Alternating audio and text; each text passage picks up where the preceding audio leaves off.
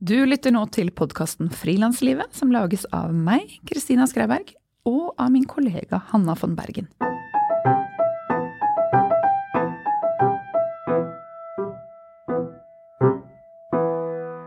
Vi har igjen besøk av skuespiller, kurs- og foredragsholder Marianne Mørk Larsen. Hun har vært her før. Ja. Hei, Marianne. Hei. Velkommen tilbake. Takk skal du ha. Takk for at du gidder. Ja, du, det her er veldig hyggelig. I dag eh, skal vi snakke om eh, selvtillit og det å bli bevisst eh, sine egne styrker. Og sikkert masse annet som vi var så vidt innom forrige gang, og som vi ja. Alt vi ikke fikk dekket og enda litt mer. Vi kunne jo snakket om dette i timevis. Ja, dette her er jo veldig spennende. Syns jeg i hvert fall, da. Så, Syns jeg også. bra. Dette er jo noe du holder mye kurs og foredrag mm. om, og derfor inviterte jeg deg hit, fordi dette kan du masse, masse om. Vi som driver for oss selv kan jo lett føle oss litt sånn alene, litt sårbare. Eh, mange av oss skaper våre egne ting. Og da er det også veldig lett å liksom tvile på seg selv og egne evner eh, i perioder. Og i perioder så skjer det hos alle. Eh, en dag eller en times tid, eller i mange, mange dager i strekk. Eh, derfor syns jeg det er så viktig å snakke om hva man kan gjøre for å bygge sin egen selvtillit. Og også selvfølelse. Du kan jo snakke, fortelle litt om forskjell, men Ja. først og fremst kan man det, Marianne? Kan man bygge sin egen selvtillit? Ja. Og eget selvverd. Ja. Jeg fikk litt lyst til å fortelle litt om hva som er forskjellig helt mellom de to først. Mhm. For de blir ofte litt sånn snakket om i samme eh, pust. Og det Selvverd er din verdi som menneske uansett. Det som er litt synd, er at veldig ofte så måler vi vårt verd, altså vår verdi, ut ifra hva vi får til, eller hvordan vi ser ut, eller hvor mye vi har, eller hvor mye vi har lest eller reist. Det kommer an på hva du har lært hjemmefra, hvordan du måler det med andre mennesker. Så det er jo derfor, sånn som frilanser, som du sier, at uh, i visse perioder så føler man seg mindre verd, da, enn andre fordi man kanskje har fått avslag. Men sannheten er jo at ditt menneskeverd, altså din selvverdi, altså menneskeverd, er jo konstant. For du har et verdi som et menneske. Hva du gjør med livet ditt og hvilke valg du tar, det er noe annet. Men du som menneske er like mye verdt om du går på trynet eller om du ikke går på trynet. Det er bare vi, vi lærer i samfunnet og av menneskene rundt oss at du er mest verdt hvis du er søt eller omgjengelig eller får bare toppkarakterer eller Så det, det kjennes så vondt ut hvis vi tror på disse tingene, så gjør det så vondt å ikke få til det vi ønsker, da. For da tror vi at vi ikke har noe verdi. Og så glemmer vi at selv når vi ligger i fosterstilling på gulvet og er redde og har driti oss ut eller blitt forlatt eller hva, så har vi fortsatt samme verdi. Og det er lett å glemme. Veldig lett å glemme, for vi får ikke noe støtte i å tro på den sannheten. For samfunnet forteller oss noe annet hele tiden. Så vi går jo og måler oss med andre og ser oss i speil og går på vekten og gjør alle disse tingene her, og måler og tenker at det har noe med vårt menneskeverd å gjøre. Men hvis du legger flere babyer foran hverandre, og kan du da fortelle meg hvem av dem som har mer verdi enn den andre babyen? Den som har en kjendismamma? Nei da, Ja, jeg bare ja, ja, eller den tynneste, den, Den best Den søteste babyen har mest verdi. Mm. Da er det lett å se at eh, de er jo likeverdige, de babyene. Men så blir vi opptatt av å tro at eh, den babyen som får best karakter, eller løper fortest, eller løper lengst, eller er tøffest, eller søtest, eller penest, eller rikest, reis mest, les mest, den har mer verdi. Men det har den ikke. Og det er litt viktig at vi mennesker tenker på at selv om jeg nå sitter helt på bar bakke, jeg har ikke fått til noe det siste året, jeg har fått masse avslag, jeg har fortsatt en verdi som menneske. Sånn at Mm. ikke vi går så langt ned i kjelleren. Og da er skattkista ganske god å ha dette her med å spare på gode tilbakemeldinger, få litt hjelp fra omverdenen og se verdien vår, for det kan være veldig vanskelig å gjøre det helt alene. Så kan det være veldig godt å ha noen som holder rundt og sier ok, nå ligger du her i fosterstilling på gulvet, men jeg syns du er helt nydelig, jeg. er glad i deg for det. Og hvis du, sorry Marianne, Nei. kjære lytter, ikke vet hva skattkista er, Ja. så hør på forrige episode med Marianne, for der forteller hun om det. ja. Så vi er alle, alle vi er verdt, Like mye verdt. verdt like mye. Ja. Og det er, det er, vanskelig til og med å si det. For mange så er det vanskelig å tro det. For man begynner sånn Ja, men eh, hva, med, hva med han som sitter i fengsel for han har drept noe, er han like mye verdt som meg? Ja, menneskeverdet er det samme. De valgene han har tatt, de kan vi så klart snakke om. Og gå inn på psykologien der, det skal vi ikke gjøre. Men det er så lett å måle de ytterpunktene av Hitler er ikke mer verdt enn meg. Eller like mye verdt som meg. Jo, menneskeverdet er det, er det samme, men handlingene kan man så klart diskutere. Helt klart. Men hvis man ser det litt nærmere, inn på et kontorfellesskap, er en person mer verdt for den er flinkere til noe enn annen, eller fått inn flere salg, eller henger på Nasjonalmuseet kontra et lite galleri på Frogn, ikke sant det er da det er litt lettere å se at det å måle verdi ut ifra hva vi gjør og har fått til, det blir litt sånn ko-ko. Helt feil. Mm. Så menneskeverd, ditt selvverd, det er faktisk konstant. Det er bare dessverre, så har du sikkert lært noe som de fleste av oss andre, at verdien din varierer ut ifra hva du gjør og får til. Det er i hvert fall lett å bli forvirra. Veldig. Ja. ja. Mm. Jeg skjønner at det er eh, problematisk. Jeg syns det er en eh, psykolog fra Bergen som heter eh, Trond Haukedal, og han pleier å ha med seg en tusenlapp. Jeg vet ikke om han fortsatt gjør det, men i, for mange år siden så holdt vi en del sånne foredrag sammen. Og da pleide han å ha med seg en tusenlapp, og så holdt han den opp mot publikum, så sa han hvor mye er denne verdt? Ja, 1000 kroner. Ok, så krøllet han sammen skikkelig hardt, og så sa han mye er den verdt nå? 1000 kroner, sa publikum. Så spyttet han på den, og så sa han mye er den verdt nå? Ja, 1000 kroner. Og så tråkket han på den og kastet den i søppelkassen, hvor mye er den verdt nå? 1000 kroner. Sånn er det med oss mennesker òg. Det er mange måter å gjøre det på, men det er veldig sånn konkret, enkelt tips på selvverd, eller er ikke enkelt, det er vanskelig å utføre, det er å følge og si ifra og gjøre det som er riktig for deg. Og noen ganger så handler det også om å stå i forhandlinger og si 'dette er jeg verdt', og stå for det. Å stå opp for seg selv? Ja, og gjøre det som er riktig for deg, selv om det koster deg noe. Selv om det skaper ubehag, selv om det skaper reaksjoner. Fordi du vet at det er riktig for deg? Det er det som er riktig for deg. Mm. Så det, det, er mange måter, men det er sånn helt konkret i forhold til frilanslivet, da. Mm. Selvtillit, det er jo det at vi kan gjennomføre noe. Det er jo faktisk det å begi seg ut på prosjekter som man syns er skumle. Si ja til en utstilling før man vet om man kan håndtere kamera, eller eh, si ja, det kan jeg. For da får man erfaringer og nye sannheter om at ja, men jeg kan jo dette her. Jeg tør, jeg fikk det til, alt var ikke perfekt, men ja, det gikk jo bra. Det skaper det, da bygger man selvtillitmuskler. Eh, og det er dessverre, jeg har prøvd, men det funker ikke. Man sitter hjemme i sofaen og tenker at det kan jeg få til. Man må faktisk ut der og gjøre det. Så visualisere kun funker ikke? Nei, bare til en viss grad. Det kan hjelpe deg å tørre å gjøre det til slutt, for det man ser for seg og det man har visualisert, det hjelper å gjennomføre. Det vet Idretten har jo brukt visualisering masse. Og jeg har selv brukt som skuespiller òg. Men uh, man må nok gjøre det, dessverre. Man må gå inn i de situasjonene som skaper ubehag, og man, kjenner på nervøsiteten og stå i det og gjøre det. Og jo mer man har gjort det, jo mer selvtillit får man, og tør mer å si ja, og mer å utfordre sine egne grenser. Hvis man bare gjør det man er vant til, og det føles trygt og godt, så utfordrer du ikke de musklene, og du får ikke trent de. Man må ut der hvor det er ubehagelig. Og så er det jo noen mennesker som er veldig gode på å pushe seg selv. Ja. Eh, nesten sånn overstrekker seg. Ja. Eh, så kanskje Altså, råder du til en slags balanse mellom liksom to push frem, ett tilbake i sofaen? Eller fins det noe sånn Nei, det fins jo ikke noe fasit på det, da, for vi mennesker er så forskjellige. Og sånn som du sier, så er det noen som kommer fra en bakgrunn og oppdragelse hvor de liksom, når de skal begynne å stupe, så begynner de på timeteren, liksom, og, og, veldig ofte går det går bra, og noen ganger så får de en skikkelig blåveis, men de liksom hopper opp og sier ja ja, vi prøver igjen. Vi mennesker er forskjellige. Jeg pleier å råde folk å begynne hvis du skal lære å stupe, så begynn fra kanten. Eh, ikke sant, og så plopp uti, og så kan du begynne å få knærne, og så kan du reise deg opp, og så kan du gå på énmeteren, og gjøre det litt sånn trygt og godt det er lov å ta små skritt. Jeg tror veldig ofte så blir vi mennesker så strenge at ja, men hvis jeg ikke kan løpe et maraton med en gang, så gidder jeg ikke. Men begynn med den ene bakken hjemme, da.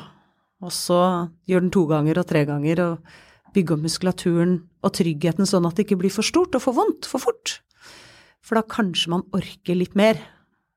Så ja, vit at vi er forskjellige, og derfor er det dumt å sammenligne seg med hva andre gjør. Ja, det er vel ganske ødeleggende for selvtilliten? Alltid. For man sammenligner seg veldig ofte med hva de andre er gode på, og så driver man og knekker seg selv, og så glemmer man hva man selv er god på. Så finn din måte. Igjen, det er litt vi snakket på forrige podkast, dette her med å bli litt god på å kjenne etter. Hva er riktig for meg? Og så har jeg lyst til å slå en lite slag for disse alle listene vi skriver, som heter burde skulle. Kast de. De har ikke noe energi, for får, det handler bare om dårlig samvittighet. Ja, jeg burde, jeg skulle. Det er bare Jeg får sånn negativ følelse rundt det, og sånn åh, sånn føler jeg på burde skulle. Men jeg har begynt å skrive dette har jeg lyst til-lister. For dette er viktig for meg. Da plutselig får det en litt sånn annen valør, og jeg ser at min, min evne til å gjennomføre Det er noe jeg trener på, da, gjennomføre fra A til Å, ikke min styrke i alt. Det blir litt lettere.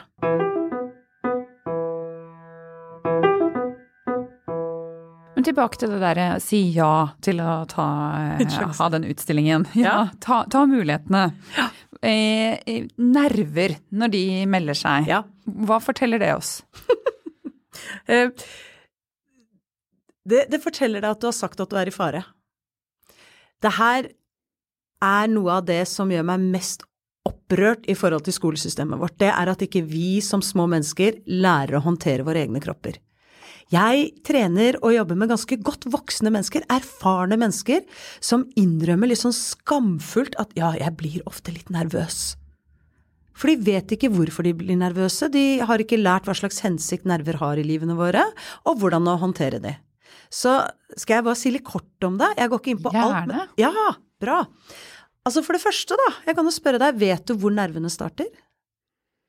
Mm, nei, de kjennes som de kommer sånn fra brystet, men eh, nei, jeg aner ikke. Nei. Dere som hører på, kan jo da Ryggraden. Ryggraden, nei. tenker du. Ja. Jeg får veldig ofte sånne svar når jeg stiller det spørsmålet. Så får jeg sånn skuldre, kjeven, magen, eh, svetting, skjelving. Og det er symptomene. For det som faktisk starter nervøsiteten, det er du. Du starter nervøsiteten med en tanke i hodet som sier 'nå er jeg i fare'. Og for de av dere som føler veldig mye stress i hverdagen, det er akkurat samme mekanismen og programmet som skrur seg på når du varsler stress i ditt hode, og det er en tanke som sier nå er det for mye. Nå, å nei, og det er det, og jeg har glemt det, og jeg skal det, og jeg burde trene, jeg burde rydde, jeg burde ikke sant? Og så begynner stresset. Det er tanken som sier nå er det for mye. Det som skjer da når du varsler fare, jo, det må jeg også si, er at det, det er faktisk du som bestemmer hvor nervøs du skal bli. Så noen ganger så kjenner vi at vi får sommerfugler i magen. Og andre ganger så kjenner vi at det er sånn det, det, det blir så, Du blir så kraftig nervøs at du kjenner kvalme, og du klarer ikke å tenke, og det er utrolig ubehagelig. Og hvis noen av dere får den skjelven i stemmen når dere skal liksom sette grenser, så er dette en del av dette programmet. Eh, så, jeg kjenner meg igjen, jeg. Ja, du gjør det, ja? Ikke, ikke med deg med grenser, men å holde et foredrag. Ja. Sånn, å nei, nå kommer den skjelvende stemmen. Ja, det, nå kommer skjelven, og nå kommer liksom Og jeg svetter, og jeg har øresus, og jeg klarer ikke å tenke, og jeg, jeg er helt blackout, ikke sant.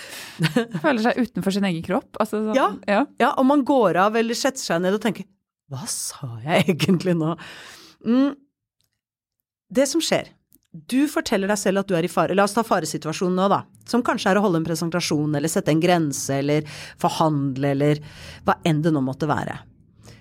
Så ut ifra hvor farlig du sier situasjonen er, jo kraftigere skrur dette programmet seg på. For det den tanken gjør, det er at det aktiverer et program i kroppen som heter, ja, det blir kalt for beredskapsprogrammet, kampfluktprogrammet, jeg liker å kalle det overlevelsesprogrammet, og jeg vet ikke om jeg har stjålet et sted, det vet jeg ikke, så får unnskyld hvis det er noen som sier at det fant jeg på, for det kan godt tenkes. Men det liker jeg å kalle det, for det er det det egentlig handler om. Det programmet her har vært i kroppene våre siden urtiden, altså siden tidenes morgen. Og det er der for å redde oss fra fare. Så når du har sagt at du er i fare, så skjer masse ting i kroppen. Vi hever skuldrene og gjør oss litt sånn eh, Vi beskytter foran, ikke sant? Vi gjør oss så små som mulig. Eh, vi beskytter de myke organene fra ville dyr. Kan vi, si at det er. vi kan si at det står en stor løve foran oss. Så vi beskytter de myke organene som hjerte og lunge foran. Vi hever skuldrene for å beskytte blodårene foran på halsen. Hjertet begynner å slå mye, mye kraftigere og raskere. Da har du kanskje merket, ikke sant. Jeg har vært sånn en gang at jeg måtte se ned for å se syns det på utsiden nå, for det slo så kraftig. Det er en del av programmet, det er biologi og kjemi, hvor hjertet slår kjempehardt og kraftig for å pumpe mest mulig blod ut til musklene og tilbake til hjertet, sånn at du har krefter nok til å slåss dette ville dyret. Eller løpe. Kamp, slåss, flukt, løpe. Du begynner å svette, for kroppen eh, kvitter seg med overflødig varme. Blodet tilføres mer fett og eh, sukker, så hvis du stresser mye og tenker 'hvorfor ble jeg ikke tynn, for jeg spiser ingenting og bare stresser', nei, kroppen din hamstrer for å ha mest mulig energi, for, for du har sagt du er i fare, du er i krig, så kroppen tilfører sukk og fett i eh, blodet for at du skal ha nok eh, krefter. Adrenalin er jo verdens beste dop. Det er kortreist, det er økologisk, og det hjelper deg å fokusere. Så dere har sikkert kjent det hvis dere har vært ute og kjørt eller gjort et eller annet og vært litt sånn slapp, og så holder du på å miste noe eller krasje eller falle. Sånn Ok, nå våknet jeg, så er øynene kjempestore, og du er helt krystallklar, ikke sant. Det er det dopet hjelper deg til. Fokusere på faren foran deg. Skjelvingen er jo fordi du får litt mye adrenalin. Du har skrudd på dette programmet litt kraftig. Og, for å ha en rolig, behagelig stemme, så må du ha dype, god pust. For stemme er bare vibrasjon. Og det som skjer er at vi puster når vi blir litt stressa, nervøse og redde, så puster vi bare her oppe i brystkassen, ikke sant. Litt sånn korte pust. Det er masse annet som skjer. Kroppen produserer hvite blodceller, sånn at hvis du får en infeksjon, så er kroppen beredt. Så dette er egentlig et helt fantastisk program. Ja, det høres jo veldig imponerende ut. Er det ikke det? Og hvorfor lærer vi ikke om dette her? Det har ikke noe med skam, det er ikke tegn på at det er noe galt med deg, det er ikke tegn på at du er svakelig, det er ikke tegn på at ikke dette er en riktig situasjon for deg å være i. så når det skjer, kan man tenke sånn yes, det funker. Ja, det yes. kan man faktisk. Eh, jeg, jeg, liker å være nervøs. Jeg gjør meg ofte selv litt nervøs, for da blir jeg skjerpa. Det wow, verste jeg vet Ja, det, det tror jeg de fleste som presterer på en scene eller er litt enig med at det å være litt nervøs er veldig deilig, for da vet vi at vi er skjerpa. De forestillingene ofte går gærent på, det er når alle er litt avslappet, sånn forestilling 15-16-20 når vi begynner å bli litt sånn rolige. Da går det ofte gærent. Kjenner meg igjen, selv om jeg ikke er skuespiller. Ja. Jeg har vært, holdt mye foredrag, vært mye konferansier. Og jeg husker første gangen jeg skulle være konferansier. Det var for eh, Pecha Kucha, et foredragskonsept. Hanne og jeg, vi møttes da vi jobbet med det begge to. Jeg var så nervøs. Altså, jeg, jeg var nervøs i flere dager ja. i forkant. Jeg gikk og dirret i noen dager. Og så, etter kanskje den 40. gangen jeg har vært konferansier, så kjenner jeg at gud, jeg savner jo den lille, i hvert fall lite gnist ja. av nervøsitet. Fordi eh, det, det, jobbet jeg mye med da jeg var, var så nervøs. Sånn, hvordan kan jeg bruke den til sånn kraft og god energi når man først eh, skal ut i ilden? Så hvordan kan man det? Hvordan kan man bruke det til noe bra? Jo, det er det. For det, man får jo et kick. Og det er jo en grunn for at eh, det har fått et navn, adrenalin-junkies. De som hopper i fallskjerm eller gjør helt eh, mer og mer ekstreme ting for å få det kicket, da. Fordi man føler seg veldig levende. Så sant det ikke slår seg på så sterkt at det blir så ubehagelig, eller at man har noen tanker rundt at nei, nå ble jeg nervøs, og det er det verste som kan skje. Så igjen, da, dine sannheter om det å bli nervøs hva du tenker om det? Ja, ja, gjør jo om det blir veldig ubehagelig, eller litt sånn Nå er jeg litt påkobla, nå er jeg i gang. Ikke sant? ja, man må sånn Nå kjører vi! Ja, og nå lever jeg. Eh, det er jo de situasjonene i livet som man mest får sånn kick av. ikke sant? Når man har gått igjennom, vært veldig nervøs, men klart å stått i det, så får man etterpå Wow! Det er jo den følelsen som vi egentlig higer etter, mange av oss. Men av at vi ikke lærer om dette programmet, og vi ikke lærer hvordan å å håndtere det ubehaget som det å være nervøs er, da. Det kan jo være at noen av dere som lytter, har levd et sånt liv at hver gang dere har vært i ubehag, så har dere trukket dere tilbake fra situasjonen istedenfor å gå igjennom. Så dere har aldri vært så heldige å fått den erfaringen om hvordan det føles når dere liksom har stått løpet ut. For det er en fantastisk følelse. Så det ene er å fortelle deg selv når nervene skrur seg på at bra, kroppen fungerer, det hjelper meg å være beredt. For det, i, her oppe i Norge så har vi ikke så mange løver og ville dyr å være redde for. Det er jo disse situasjonene. Er jeg bra nok? Kommer jeg til å drite meg ut? Kommer noen til å forlate meg? Um, hva kommer kritikken til å si? Hva kommer folk til å mene om meg etterpå? Det er det som veldig ofte aktiverer dette programmet i oss mennesker her oppe. I vår tid. Det er tid. våre løver. Det er våre løver. Mm. Så en god ting er å finne ut hva er mine løver. Når trigges programmet, hvilke tanker er det jeg forteller meg selv? Og så hjelpe deg selv i form av det er faktisk ikke en stor løve. Det er en liten løveunge som har fått masse mat og ikke har så sterke tenner, så det er greit å ha litt sommerfugler i magen, men jeg kommer til å overleve. Jeg dør ikke av dette her. Og om noen ikke liker meg, det er helt i orden. Jeg tør i hvert fall å bjuda på. Um, hvis de som elsker meg før jeg gjør dette her, de elsker meg etterpå. Jeg har like mye verdi om dette går bra eller ikke, men jeg skal gjøre alt jeg kan for å ha det litt gøy, nyte det og gjøre mitt aller beste. Mm. Så den type tankegang Nå høres det veldig lett ut, og jeg sier bare tenk sånn. Det er ikke lett. For mange kommer dette til å bli veldig utfordrende. Å tørre å tenke nye tanker og stole på de. Og se om de er sanne. Ikke sant? Men tro meg, det er verdt det. Det vil hjelpe deg. Det veldig mange gjør når de blir nervøse, det er å si 'ikke bli nervøs', 'ikke skjelv', 'å nei, jeg må ikke skjelve, jeg må ikke skjelve, jeg må ikke skjelve, jeg må ikke bli nervøs', 'å nei, nei, nei', ikke, ikke. Og hva er det egentlig du har fokus på da? Du har fokus på å skjelve, du har fokus på å være nervøs. For det er sånn, du som mamma vet jo det, mennesker forstår ikke ordet ikke. Hvis du sier til et lite barn 'ikke gjør det', så gjør barnet det. Mm. Og kroppen også. og kroppen! Mm. Ikke bli nervøs. Nervøs på. Så hva skal man gjøre da? Bare sånn ja. nyte skjelvingen og sånn, eller? Ja, ja sånn, jeg tenker det. Deilig? Liten massasje, eller? ja, og kjenner at jeg lever. Er det ubehagelig? Ja, det er litt ubehagelig, men det er ikke farlig. Jeg kommer ikke til å dø. Eh, jeg skal være snill mot meg selv om jeg tryner. Jeg skal få støtte av andre og klem hvis dette ikke går bra.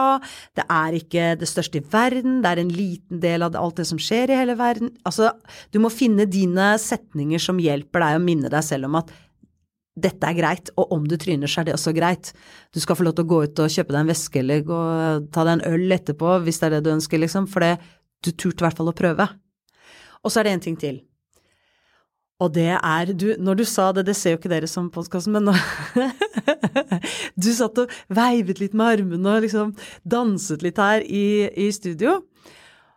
Og det er faktisk en veldig fint, eh, veldig, veldig godt tips det er det å få kjenne kroppen. Og så skal dere få mitt beste verktøy i hele verden, yes. som jeg er helt alene om, har oppfunnet Nei, jeg har ikke det. Pust. Og det du må trene på der, er sånne dype pust. Og en av de eh, Det fins jo masse bøker om pust der ute, og det fins masse forskjellige teknikker. En av de jeg liker når jeg virkelig kjenner at eh, adrenalinet er litt for kraftig, og jeg kjenner at ubehaget er litt for voldsomt, og jeg klarer ikke helt å endre tankene for jeg er så aktivert, så puster jeg på denne måten her at jeg teller til Jeg begynner ofte på fire eller fem, at jeg puster inn på fire-fem så holder jeg pusten inne i fire-fem tellinger, så puster jeg ut på fire-fem tellinger, og så holder jeg fire-fem tellinger, og inn. Og så holder jeg på lenge nok til at jeg klarer å roe ned pusten til å få den til en syv. Og innpust og utpust skal være like lange. Når du puster dypt, så forteller du kroppen at det er ingen ville dyr i rommet. Så det er mye lettere for deg da å få til de gode tankene og huske hva du skal si og stå trygt og sitte godt. Et tips er også at pass på at du ikke lar kroppen lukke seg og gjøre seg liten, for det forteller jo kroppen at uh, du er i fare. Så du har tankene, så har du pusten, og så er det å tvinge kroppen til å være åpen. Brede skuldre, åpen brystkasse, rett rygg, søk blikkontakt selv om det er ubehagelig. De tre tingene der kan være hjelpe deg å begynne å håndtere dette programmet og fortelle kroppen at nå kan du roe ned. Litt sommerfugl, litt adrenalin, ja takk, jeg er klar, kroppen fungerer, men ikke så mye at det tar overtak og gjør det så ubehagelig at du trekker deg unna, eller at du ikke får sagt det du har lyst til å si. Jeg reiste meg opp og tok skuldrene bakover med en ja, gang. Det. Ja, Og hvordan kjennes det? jo, mye, mye bedre. Ja. Veldig deilig. Ja. Jeg lurer på noe med dette med pust, en liten uh, ja. digresjon. Ja. Eh, skilpadder lever jo opp til 100-200 år, mm. og de puster visstnok noe sånn som to minutter inn og to minutter ut. Er det sant? Det visste jeg ikke. Mens hunder puster jo veldig sånn, ja. og lever jo bare i 13-14 år.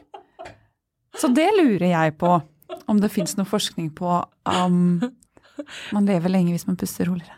Ja, og altså, dypt. Ja, det er faktisk helse, masse forskning på dette her. Ja. Eh, så da, I så fall er skilpadden beviset? Ja, ja, det kan godt tenkes. Eh, men det er forsket mye på mennesker også, hvor helsebringende pust er. Og å, jeg vet ikke om jeg skal si det tipset, for nå husker jeg ikke hva forfatteren heter. Boken heter Pust. Jeg lurer på om det er en Marianne. Eh, gå i bokhandelen og sjekk. Men det fins masse forskning på akkurat dette med pusten. Når du skulle føde, hva lærte du da? Det er også smertelindrende. Det var gjort en undersøkelse, forskning på det, i statene for mange år tilbake på mennesker som hadde kreft, og var, hadde så mye smerter at, eh, og kroppen hadde blitt immun mot eh, smertelindringene, så kom det inn og lærte dem om dyp pust. Mm. Så dyp pust er veldig smertelindrende, faktisk. Så det fins masse forskning på helse, hva som er bra med dyp pust, ikke bare for å roe ned dette programmet og roe nervene, men også hva som skjer inni kroppen om systemer der. Men det skal jeg ikke gå for mye på. Men det er utrolig spennende. Hvorfor syns vi det å sette grenser kan være vanskelig? Henger det sammen med det, den nervøsiteten og at man ikke egentlig ønsker å være i situasjonen? Ja, ja det Eller at man syns det er ukomfortabelt? Veldig. Det gjør det i hvert fall mye vanskeligere. Jeg hadde en dame på kurset som var veldig søt, som sa at hver gang jeg skal inn i den samtalen, så bestemmer jeg for at nå skal jeg ikke gå rundt grøten, nå skal jeg gå rett på sak. Så går jeg inn i situasjonen, og så går jeg rundt grøten. Vaner er ikke lett å endre. Det er fullt mulig, men det krever en jobb. Og det å sette grenser, hvis du ikke har trent så mye på det, så er det fryktelig skummelt. Igjen, for vi er så redd for hva andre mennesker skal mene om oss. Og hvis vi har tanker om at jeg er jo ikke så mye verdt, så er det veldig vanskelig å gå inn i de situasjonene og si 'dette vil jeg ha'. Eh, og veldig ofte de første gangene vi trener på å sette grenser eller si nei, så gjør vi det litt voldsomt. Nettopp på grunn av at vi har varslet fare. Så aktiveres programmet, så vi går inn og sier 'nei, det har jeg ikke lyst på', så blir vi liksom voldsomme. Eh, til ganske enkle ting, da. Eh, fordi kroppen er aktivert. Og vi har ikke trent så mye på det. Igjen, dette her med å trene på ting. Hvis ikke du er vant til å sette grenser og ikke har gjort det mye, så er det skummelt. Så man må trene. Så mitt tips på å sette grenser Det første tipset er begynn i det små. Begynn i hverdagssituasjoner hvor folk tilbyr deg noe du egentlig ikke har lyst på å si nei takk, vet du hva, takk som byr, men det har jeg ikke lyst på i dag. Nei, jeg sier nei takk, jeg. Eller ehm, jeg, jeg trenger at vi begynner en halvtime før. Hva enn det er, begynn i hverdagen å trene opp den muskelen, at det som er riktig for deg, det skal du begynne å uttrykke der ute. Og du vil få reaksjoner på ganske banale ting, for når du setter grenser, så kan det hende at du irriterer andre mennesker. At du utfordrer de og krever noe av de. Og det er noe av treningen går på, det er å tåle at andre reagerer når du sier det som er riktig for deg. Så mitt tips er begynn i det små. Og så er det noe med hvordan vi gjør det. Etter hvert når du har fått trent litt, så er det lettere å bli litt elegant. I begynnelsen så er vi litt grisete og sølete, og kanskje gjør det litt for svakt eller litt for sterkt. Det å, å begynne setningen med 'jeg trenger', 'jeg har lyst på', 'dette er riktig for meg', og så gjerne komme med en forståelse til motparten og si 'jeg beklager at dette skaper bekymringer eller skaper problemer for deg, men jeg kan ikke levere dette på den måten du ønsker'. Jeg skjønner at du hadde ønsket noe annet, og det, det forstår jeg, men det blir ikke riktig for meg. Er det noen måte vi kan begynne å møtes på midten? Kan vi snakke om det? Men nå skal jeg si to ting. Det ene er jo at man kanskje er redd for å være vanskelig. Mm, ja. eh, Eller være liksom problematisk. Skape et problem Ja. for de andre. Mm. Kanskje spesielt sånn overfor eh, kunder. Jeg vet Ja. ikke. Hvor man ikke vil være vanskelig. Man vil være en som fikser problemene. Ja.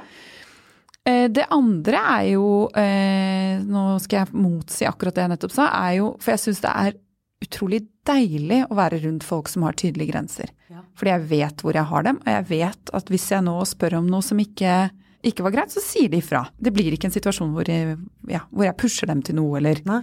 De tar ansvar for sin grense. Mm. Men til det første først.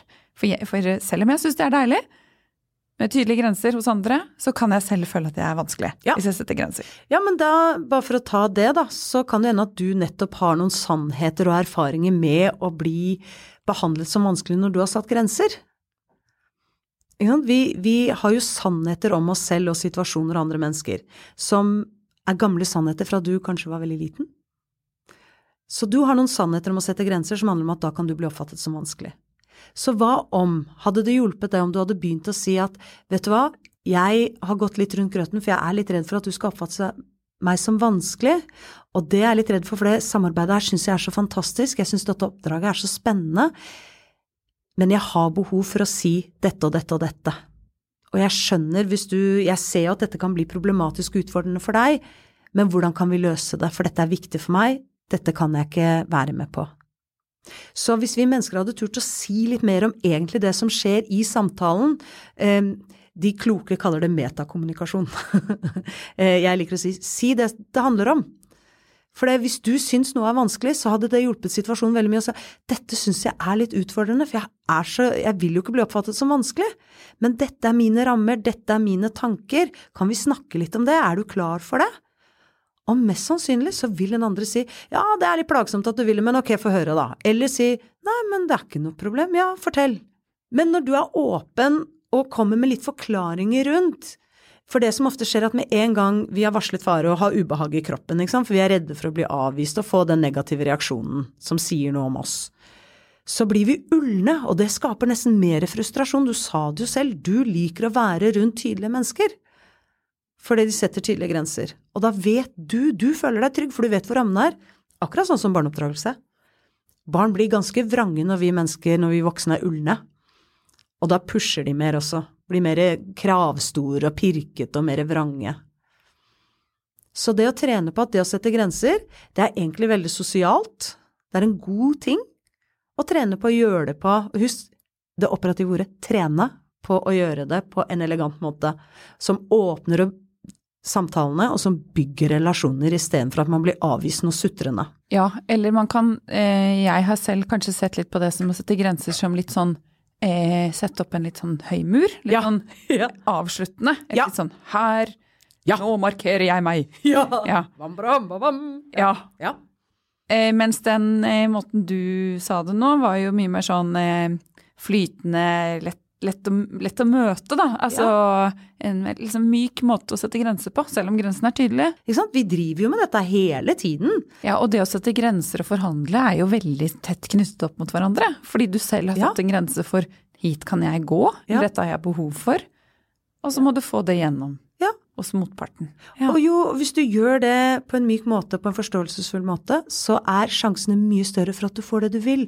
For da har du litt forståelse og empati, at du faktisk skaper trøbbel for den andre personen, da. Men du står i at du gjør det, men du har forståelse for det, og da smaker det litt bedre for den andre personen å ta imot dine grenser.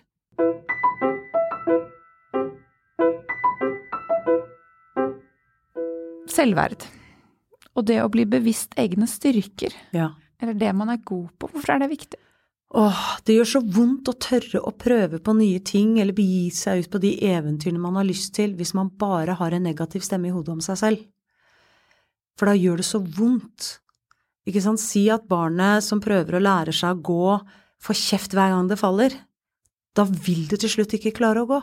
Og hvis det til og med fører at du er så dum som ikke klarer å gå, så vil du begynne å tenke at det, ok, ikke nok med at jeg ikke har sterke nok ben, men jeg er dum som ikke får det til, det er noe gærent med meg hvordan blir det da for det barnet å reise seg opp? Så hvis du kan se for deg de fleste foreldre, de fleste barn er i hvert fall så heldige at når vi skal lære å gå, så får vi veldig mye backup. Det er ingenting foreldre syns er mer stas enn når barna begynner å gå. Helt til de begynner å dra ned duker og sånn, da er det litt plagsomt. Men vi er sånn ja, å, ett skritt, wow, kom igjen, og kom og se, vi har filmet, ikke sant. De, vi får så mye backup. Når man fikk den backingen hver gang man prøvde noe nytt, da. Det er det. Det å heie på seg selv, og ikke minst minne seg selv på at nå skal jeg prøve noe helt nytt. Ergo, det kommer ikke til å være elegant, det kommer ikke til å være perfekt, og jeg kommer til å liksom gjøre mange feil, for det er helt nytt. Og hvis det gjør vondt å gjøre feil, si at du Jeg brukte den metaforen på datteren min. Eh, jeg hadde prøvd mange ting, og så funka det ikke, men dette her funka på NHO. Jeg sa, men Kajsa, første gang du satte deg på en tohjulssykkel, Klarte du å sykle uten hjelp eller støtte fra pappa og meg bak da? Nei. Nei, sluttet du å sykle da? Nei. Har du noen gang falt av sykkelen og fått skrubbsår? Ja, det vet du at jeg har! Ja, sluttet du da? Nei. Hva gjorde vi med skrubbsår da? Ja, du tok på sånn pyr i et eller annet, og så tok du på plaster. Nemlig, fikk du litt klem og trøst? Ja. Og hva gjorde vi etterpå? Vi prøvde igjen. Og det å huske det forløpet der, når vi er store mennesker, at når jeg prøver på noe nytt, når jeg skal trene, så trenger jeg støtteapparat, jeg trenger heiaklubb, og jeg trenger å være heia eh, min beste supporter selv, og minne meg selv på at når jeg prøver ting, så kommer det til å gjøre vondt, det kommer til å være flaut, det kommer til å kanskje drite meg litt ut, og kanskje jeg ikke får det til, men det er greit, for det er sånn man blir god på noe, og det gjelder hva enn det er her i livet. Så det hjelper også når man skal trene på noe helt nytt, og minne seg selv på at Men jeg har jo jeg lurer på om det er Montessori-skolen som gjør det, at når barna fyller år, så forteller de barna alt de har lært det året. Ikke sant? Så hvis man setter seg ned og tenker jeg har lært å gå, jeg har lært å snakke, jeg har lært å strikke, jeg har lært å sykle, jeg har tatt fine bilder, jeg hoppa fra timeteren, jeg har stått på en scene og klart det, jeg har overlevd å tryne, jeg har overlevd uh, kjærlighetssorg, jeg har overlevd Ikke sant? At man minner seg selv på at jeg har levd et liv, jeg har mange erfaringer, noen har vært vonde, men jeg sitter her fortsatt, og jeg gir meg ikke. Jeg har til og med lært noe av det som var skikkelig vondt. Um, og jeg har vært god på dette.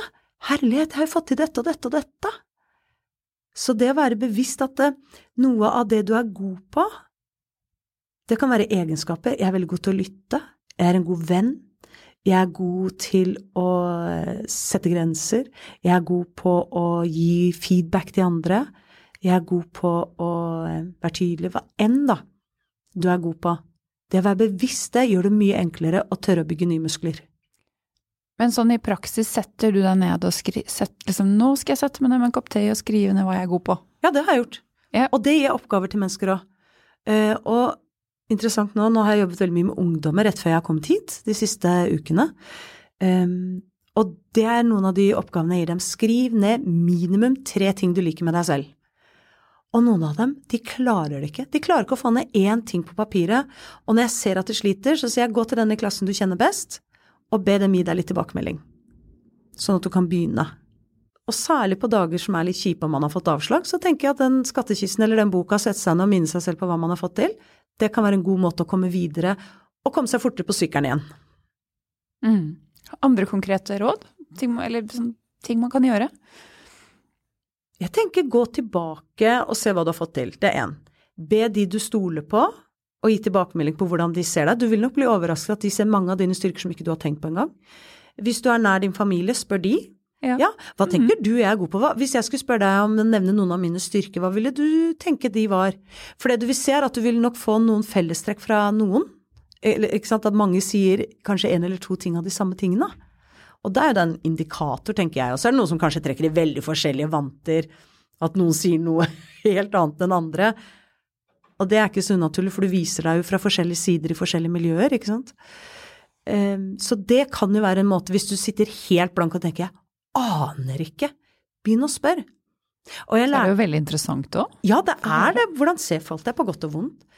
Det, det var en, eh, en eh, psykolog som jeg jobbet med, som sa det. Hun var veldig god på at når folk sa 'du er så flink', så ble hun litt plagsom, og så spurte hun Eller jeg likte så godt foredraget eller kurset, så var hun veldig flink til å spørre 'hva likte du'? Hva var det du syns, hva, Siden du sier jeg er flink, hva var det du syns funket for deg? For da fikk hun veldig konkrete tilbakemeldinger på hva som traff mennesker, eh, og hvorfor. Og det er nå å bygge muskler. Ok, det funker, da gjør jeg litt mer av det. det minner meg ja. om, um, som jeg sa forrige gang vi snakket sammen, at jeg er i en sånn småbarnsfase. Ja. Samboeren min og jeg eh, har små barn. Og eh, jeg får jo høre at jeg er elsket. Eh, veldig mye av barna mine, men også samboeren min. Ja. Jeg elsker deg. Det, ja, så godt. Det er veldig godt, men jeg var ikke fornøyd med det.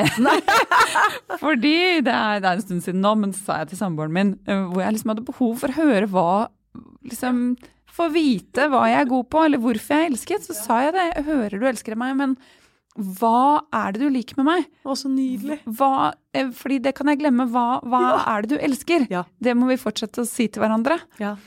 Og neste morgen så hadde han skrevet på innsiden av kjøkkenskapet alle egenskapene han setter pris på med meg. Er det sant? Så det er veldig lurt å spørre. Ja. Å, nå ble jeg veldig rørt. Så nydelig. Jeg vil gjerne komme tilbake, for det, det, er så viktig at vi ikke blir avhengig av å spørre andre hele tiden. Det er også veldig sant. Ja, for da, da, da har vi tentaklene så langt ute hele tiden for andre syns. Så be gjerne om hjelp og støtte, og få litt sånn vann på hjulet av andre hvis du ikke klarer å komme i gang selv.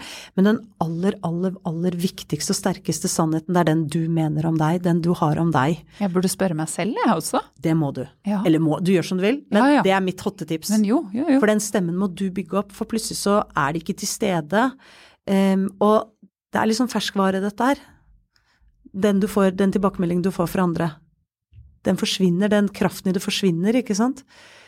Det viser jo det at mannen din sier at han elsker deg, det mister litt sånn tyngde, så du må ha det enda mer spesifikt. Men den du forteller deg selv, det er jo den sannheten du går og bærer på 24 timer i døgnet.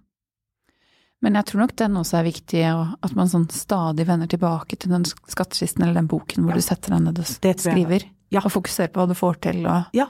Mm. Og det er ganske interessant hvis man har skrevet over en stund og gått tilbake i begynnelsen og se hva du hadde fokus på da, og hva du har fokus på nå. Hva som er viktig for deg, liksom kjenne at dette er jeg god på, eller det betyr noe. Alt fra du var yngre, så er det liksom ja, være populær, eller hva enn, og nå plutselig er det være en god mor, være til stede, kjenne meg selv. Det, liksom, det endrer seg jo med mm. tid. Mm. Mm. Det å drive for seg selv, nå skal vi runde av. Ja. Mitt siste spørsmål. Ja. Det å drive for seg selv. Mm. Er det lettere hvis man har tillit til seg selv? Ja, jeg vil jo si det blir litt morsommere. Da tømmer man jo litt mer, liksom, og bjuder på litt mer og får litt mer tilbake. Sitter Kanskje man... gjør mer av det man selv vil? Ja, det er klart det. Du setter mer grenser, du ber om mer hjelp, du ber om mer samarbeid, du tør å ringe den personen du ser opp til, selv om den har et mye større eller bedre navn enn deg, liksom, der ute. Um, og sier du, jeg liker det du gjør, kan ikke vi, jeg har en tanke, ikke sant. Man tør mer sånne ting, da. Så livet blir jo litt artigere uten den der dømmende tanken nei, det er du ikke god nok til, og det får ikke du til, og husk at du prøvde en gang i 1940, og det gikk ikke bra, så dette driter vi i. Det er jo litt sånn vi ofte blir. Så jeg ser jo og blir inspirert av de som tør mer. Jeg har masse å lære av det. Eh, for det, det ser veldig morsomt ut. Livet ser litt morsommere ut. Man, de søler og griser litt mer, og de, de tryner litt mer, men de får til mer òg. Ja. Man tåler litt Får tåle litt skrubbsår. Ja, det, det må vi. vi for å ha det gøy. Ja, ja, Vi kommer ikke videre og utvikler oss uten skrubbsår. Vi må ha skrubbsår. Herlig. Takk, Marianne. Å, bare hyggelig. Tusen, tusen takk. takk. Hei. Hei. Vi vil gjerne takke Kulturetaten og Fritt Ord for støtte til å lage denne podkasten. Tusen takk.